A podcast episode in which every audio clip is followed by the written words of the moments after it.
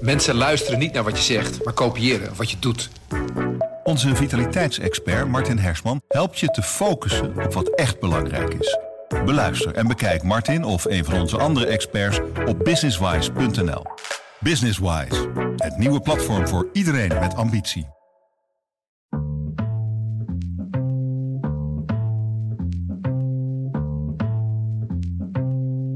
Denk dat het, het denken over het, het betalen van tol echt wel veranderd is. Het is gewoon een feit dat je niet uh, zonder te betalen uh, vanuit Zeeuws-Vlaanderen in, in een ander deel van Nederland kunt komen.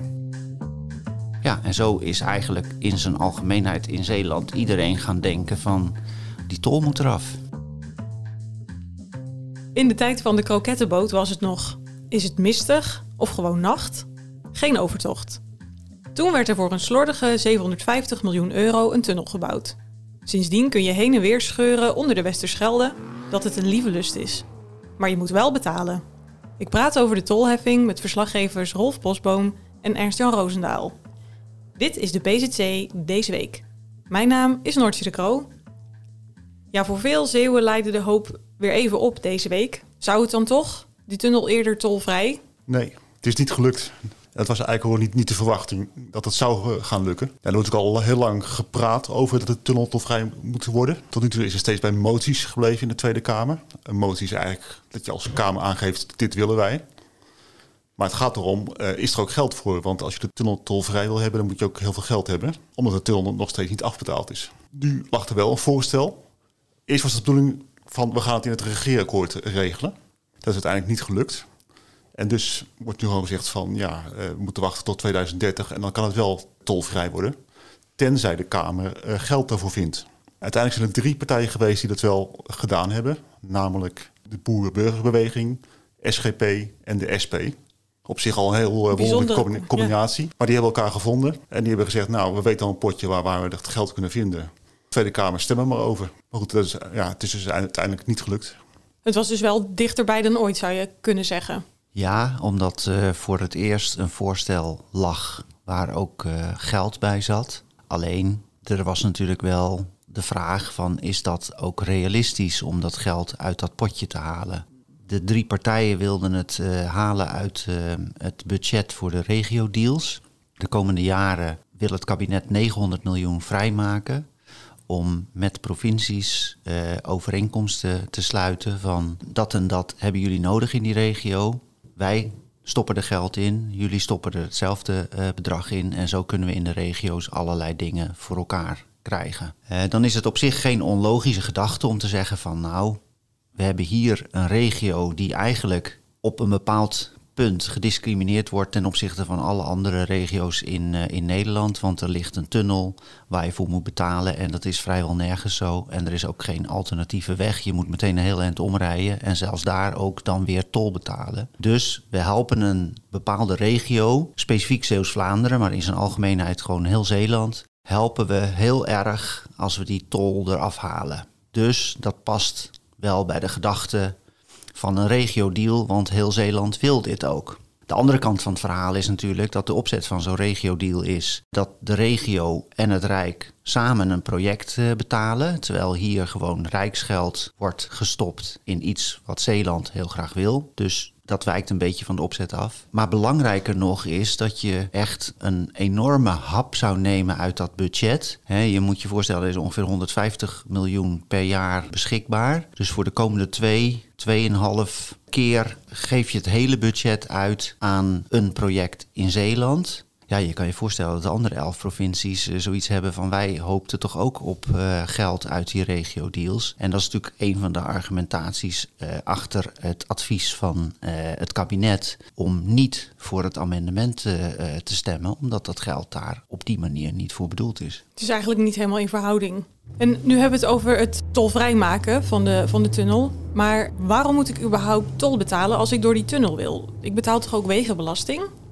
Nou, dat is uh, natuurlijk het argument van uh, mensen die zeggen die tunnel die moet uh, tolvrij worden. Alleen, er is ooit afgesproken van we gaan een tunnel aanleggen ter vervanging van de veerdienst die er op de Westerschelde was. En toen is gekeken van nou, dat kost zoveel en dat kunnen we alleen bekostigen als we tol heffen. Zoals bijvoorbeeld aanvankelijk er ook tol werd geheven op de Zeelandbrug. Dus dat is uh, gebeurd. In uh, 2003 uh, ging de tunnel open.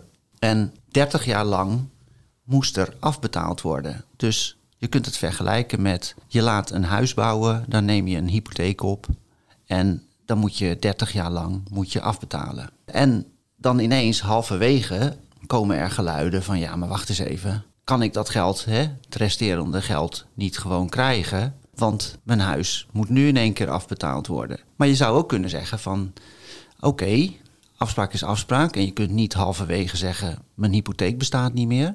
Maar wat nu als jij de enige bent in het hele land die op die manier zijn nieuwbouwhuis moet bekostigen, omdat anderen uh, wel daar geld voor krijgen of überhaupt dat geld niet hoeven te betalen? En dat is natuurlijk een klein beetje wat hier het geval is. Er zijn heel weinig wegen in Nederland waar je tol moet betalen. En eigenlijk vrijwel geen wegen waar er ook geen alternatief is.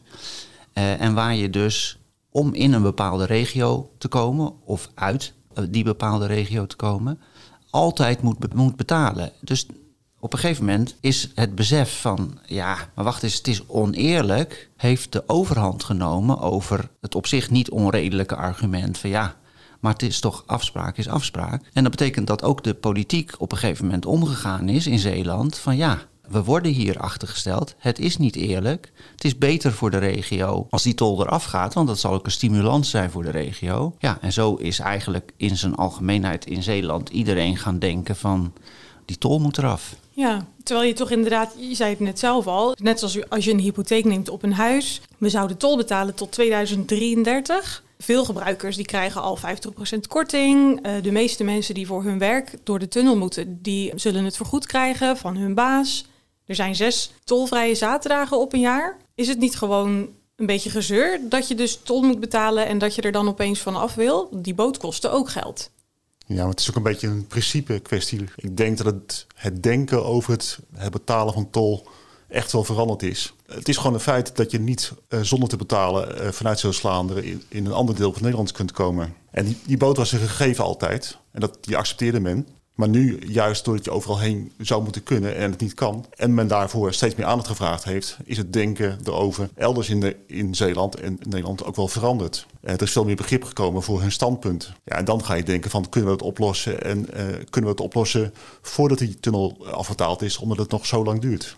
Is het discriminatie? Je noemde het net ook al even. Dus inderdaad voor Zeeuws-Vlamingen. Nou ja, kijk, als je ooit, twintig jaar geleden, zoiets hebt uh, afgesproken, dan heb je nu te maken met mensen die toen uh, één waren en uh, nu zijn ze uh, twintig, uh, die hebben stemrecht en die worden gewoon geconfronteerd met ik woon in een regio en ik rij door een tunnel en dan moet ik betalen en ik zie geen andere regio in Nederland waar dat het geval is. Ja, nou dan ga ik stemmen op een partij die zegt van dat is oneerlijk. wat heb ik ermee te maken dat ze dat twintig jaar geleden hebben afgesproken? Ik zie alleen maar een oneerlijke situatie. Dus dat is een gegeven. Er komt nog iets bij, want je noemde bijvoorbeeld tolvrije dagen, kortingen voor veel gebruikers. in de loop der jaren is gebleken dat die tunnel uh, heel erg goed gebruikt werd, zodat er ook goed aan verdiend werd, zodat er geld was om bijvoorbeeld die tolvrije dagen te doen, maar ook geld om de Sluiskiltunnel aan te leggen of geld om in het viaduct de drie klauwen uh, te steken. Dat zijn allemaal toegangswegen tot de tunnel en die hebben voor nog weer meer verkeer gezorgd. Dus het is allemaal best verdedigbaar. Maar er zijn ook tegenstanders die zeggen van ja, maar wacht eens even. Je had die tol en die tol was bedoeld om de tunnel, om de tunnel af te betalen. Als je nou meer verdient, dan kun je je hypotheek eerder aflossen. Maar in de tussentijd hebben jullie dat geld ook in andere dingen uh, gestoken. In zo'n dus ook dat zorg, bijvoorbeeld. Ja, dus ook dat zorgde wel voor, voor onvrede. Dus hoe verdedigbaar ook, want er is best iets voor te zeggen, is er ook iets te zeggen voor dat argument van ja jongens, de tol was om de tunnel af te betalen. In ieder geval had het die periode al bekort kunnen worden met het geld dat we hebben verdiend. En is er ook wel eens gesproken over dat alleen Zeeuws-Vlamingen gratis door de tunnel zouden mogen of inwoners van Zeeland? Ja, er is in ieder geval één partij in de Staten die uh, voortdurend betoogt dat dat de oplossing is. Dat is de Partij voor Zeeland. Die redeneren eigenlijk, namelijk als je zegt van we doen de tunnel nu tolvrij, dan komt er heel veel verkeer doorheen wat we helemaal niet willen. We willen niet extra vrachtverkeer door Zeeuws-Vlaanderen. Maar we vinden wel dat het oneerlijk is voor de Zeeuwen hè, of voor de Zeeuws-Vlamingen. Uh, in dit geval de Partij voor Zeeland die wil dat het voor Zeeuwen in ieder geval tolvrij wordt. Nou, daar is wel naar gekeken en dan wordt er eigenlijk wel naar Europese bepalingen verwezen als dat dat juist uh, discriminatie zou zijn. En dat je uh, op basis van Europese regels dat in ieder geval niet heel gemakkelijk kunt doen. Je noemde al die uh, Sluiskiltunnel. Hè? Uh, die werd in 2015 geopend. Dat heeft veel economische voordelen, omdat het verkeer niet meer vaststaat bij de brug bij Sluiskil. De kosten daarvan waren 280 miljoen euro. En je zou ook kunnen zeggen, die tunnel werd dus gebouwd puur en alleen dankzij de tolheffing in de Westerschelde-tunnel. Nou, kijk, toen de Westerschelde-tunnel uh, gebouwd werd, toen was er niet een plan om uit de opbrengsten ook een Sluiskiltunnel te financieren. Maar er was wel een wens in Zeeuws-Vlaanderen om die tunnel aan te leggen, omdat die brug uh, zo'n knelpunt was. Toen uh, heeft op enig moment de provincie de tunnel overgenomen van het Rijk. Want de, tunnel was van het Rijk en de tolopbrengsten gingen naar het Rijk. En uh, die werden gereserveerd om die tunnel af te kunnen betalen. Toen zag de provincie een mogelijkheid om, als wij die tunnel overnemen, dan kunnen wij die Sluiskiltunnel aanleggen. En ja, daar is natuurlijk gewoon een hele democratische discussie over gevoerd. Daar was echt een grote meerderheid in Zeeland en ook in Zeeuws-Vlaanderen op dat moment een voorstander van. En die Sluiskiltunnel heeft ook zeker uh, zijn grote voordelen gehad. Want je hebt nu een goede doorstroming, zoals de provincie graag wil. Uh, en zoals ze het zelf zeggen, van Goes naar Gent. Daar is dat natuurlijk een onmisbare uh, schakel in. Het heeft zeker gezorgd voor een aanzuigende werking naar de Westerschelde-tunnel toe. Dus in die zin zou je een klein beetje kunnen zeggen... de Sluiskiltunnel heeft zijn eigen aanleg ook een beetje terugverdiend. Maar de andere kant van de zaak is natuurlijk dat je ook kunt zeggen... ja, maar daar was die tol nooit voor bedoeld. De stemming is nu gedaan. Is het dan nu uh, zeker? Moeten we omrijden via Antwerpen tot 2030? Nou ja, in 2030 moet hij sowieso tolvrij worden, omdat dan het rekeningrijden uh, moet zijn ingevoerd. Dus de periode tot aan 2030 wordt wel steeds korter. Dus de tijd begint te dringen. Ja, er is eigenlijk nog, nog één mogelijkheid. Uh, het najaar wordt de begroting voor volgend jaar vastgesteld daar zou nog een mogelijkheid in zitten om alsnog dat geld op een of andere manier te kunnen vinden. Ja, als dat niet lukt, ja, dan wordt het al 2023. En je, bent, je maakt het toch niet, niet zomaar tolvrij. Je kunt niet zeggen van uh, hier is het geld en doe de slagbomen open. Laat iedereen er maar, maar doorheen gaan. Dat vergt echt wel een ja, voorbereiding van, uh, van 1, 2 jaar. Dan zit je sowieso al in 2025. En als je nog langer wacht, ja, dan wordt eigenlijk die periode te kort tot aan 2030. Dus misschien dat in het najaar nog een poging zal worden ondernomen, eigenlijk, eigenlijk wel zeker. Uh, de provincie blijft voortdurend lobbyen. Die zullen niet, uh, niet rusten voordat ze zeker weten dat het echt niet kan. Dus ik denk dat ze toch nog wel hoop blijven houden dat, dat het lukt. Maar nou, nogmaals, de tijd begint wel te, dringen. En ik wil er wel bij zeggen dat uh, het voorstel om nu het in de volgende begroting van infrastructuur en waterstaat te regelen, want daar heb je het dan over, dat die eigenlijk minder kansrijk is dan dit voorstel was, waarbij je zeg maar een grote pot met geld hebt waar uh, nog niet precies een bestemming voor is. Dus waarvan je kan zeggen, hé, hey, die Westerschelde-tunnel die past daar wel bij, zullen we dat geld daaraan uitgeven? Als je nu in de begroting van, uh, van infrastructuur en waterstaat naar datzelfde geld gaat zoeken, dan betekent het gewoon dat je zegt van oké, de tol in de Westerschelde-tunnel, die willen we eraf hebben, dat kost zoveel. Uh, die brug daar in Groningen of in uh, Noord-Holland, die kost ook ongeveer zoveel. Die schrappen we dan. Voor dat soort voorstellen is het heel erg moeilijk, zeker voor een kleine provincie als Zeeland, om meerderheden te vinden. Dus iedereen die daar zijn hoop op vestigt, daar zou ik van zeggen, hoop er maar niet al te hard op, want dan kom je toch echt van de koude kermis thuis. En er is nog één andere, ja, zure constatering eigenlijk. Die tol gaat er dan normaal gesproken vanaf in 2030. Dat is drie jaar eerder uh, dan de bedoeling was. Maar die wordt dus ingeruild voor rekeningrijden. En uh, dat is precies wat uh, de mensen hier in Zeeland zeggen. Ja, wij zijn de enigen die al betalen voor het gebruik van een weg. dat rekeningrijden wordt dan gewoon voortgezet voor ons. Alleen dan geldt het voor iedereen in Nederland. Dan geldt het voor iedereen in Nederland, maar het is niet toevallig dat er eh, ook een motie in de Kamer aan de orde was om daarbij eens goed te kijken naar dunbevolkte regio's als Friesland en Zeeland. Omdat als je per kilometer gaat betalen, je in die regio's waar je veel meer kilometers maakt, op wegen die helemaal niet zo druk zijn als in de Randstad, je ineens dezelfde prijs gaat betalen. En hoe eerlijk is dat dan?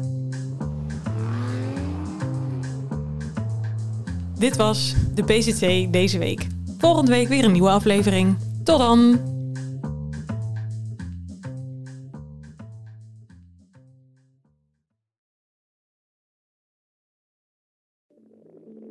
Ik denk dat je een soort van tweespalt had tussen de mensen die ons cool vonden en de mensen die het cool vonden om ons te haten. Maar ik kan me nog levendig de eerste vier tellen herinneren. Dat ik heel goed besefte zo van met deze tikken bepaal ik volgens mij wel een toekomst. Kijk, als we dingen heel anders hadden gedaan, dan was dit niet gebeurd. Als we ooit klaar zijn en ik moet eh, de, de, de vijf hoogtepunten van onze carrière noemen, is dit er één van. 30 jaar bluff. De verhalen die je nog niet kent. Aan de hand van 10 songs. Dit is de podcast 30 jaar bluff. Waaraan we verdwijnen. Met Peter, Bas, Norman en Pascal. Nu in elke podcast-app. Een goede spreker herken je aan de QA aan het eind. Onze lifehack-expert Martijn Aslander geeft je adviezen waar je echt wat aan hebt. Beluister en bekijk Martijn of een van onze andere experts op businesswise.nl. Businesswise, het nieuwe platform voor iedereen met ambitie.